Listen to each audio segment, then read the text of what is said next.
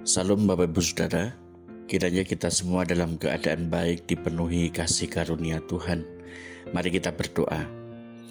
Tuhan Yesus kami bersyukur pengharapan kami tidak ditentukan oleh kesanggupan kami, melainkan oleh anugerah-Mu. Kami bersyukur dalam nama Tuhan Yesus. Amin. Bacaan Alkitab hari ini dari kitab 1 Yohanes pasal 4 ayat 10 sampai 21 Secara khusus kita akan membaca dan merenungkan firman Tuhan dari ayat 10 sampai 11 saja berkata demikian. Inilah kasih itu, bukan kita yang telah mengasihi Allah, tetapi Allah yang telah mengasihi kita dan yang telah mengutus anaknya sebagai pendamaian bagi dosa-dosa kita. Saudara-saudaraku yang kekasih, jikalau Allah sedemikian mengasihi kita, maka haruslah kita juga saling mengasihi. Pengharapanku bergantung pada anugerahnya.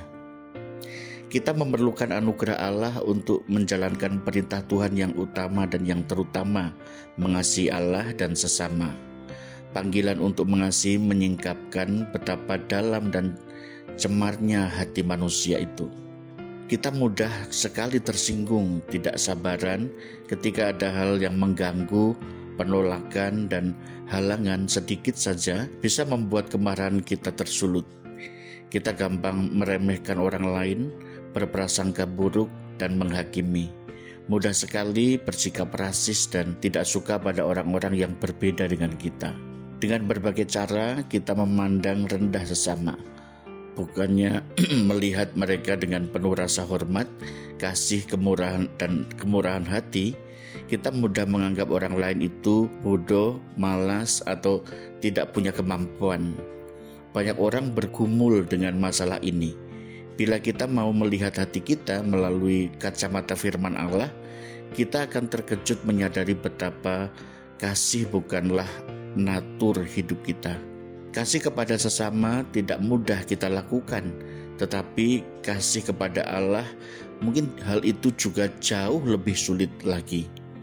Keterkaitan antara keduanya dinyatakan dengan seksama di dalam 1 Yohanes 4 ayat 20. Jikalau seorang berkata, aku mengasihi Allah dan ia membenci saudaranya, maka ia adalah pendusta.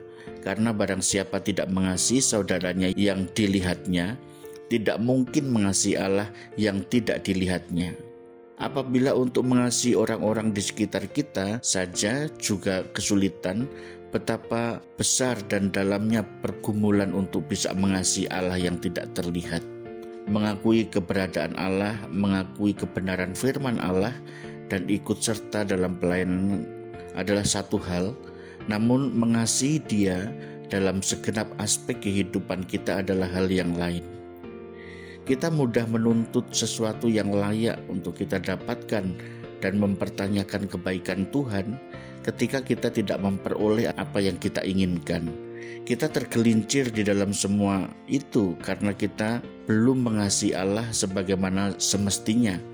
Kecenderungan kita adalah mengasihi diri sendiri dan mengasihi dunia ini. Tetapi kasih akan Bapa tidak ada di dalam hati kita jika demikian. Nah, kita memerlukan anugerah Allah, pengharapan kita baik dalam kehidupan ini maupun ketika kelak dalam kehidupan yang akan datang. Begitu kita membutuhkan anugerah Allah. Kasih itu menjadi milik kita karena Allah mengaruniakannya. Bahkan ketika hati kita berpaling kepada berhala-berhala sekalipun. Demikian keindahan dan kesetiaan kasih Allah akan kehidupan kita. Pengharapan kita tidak bergantung pada kemampuan untuk mengasihi Allah, melainkan di dalam kasihnya yang tidak berhenti dan tetap teguh. Mari kita berdoa. Tuhan kuasailah hati kami supaya mampu mengasihimu senantiasa dan kami bisa mengasihi orang lain juga. Dalam nama Tuhan Yesus kami memohon. Amin.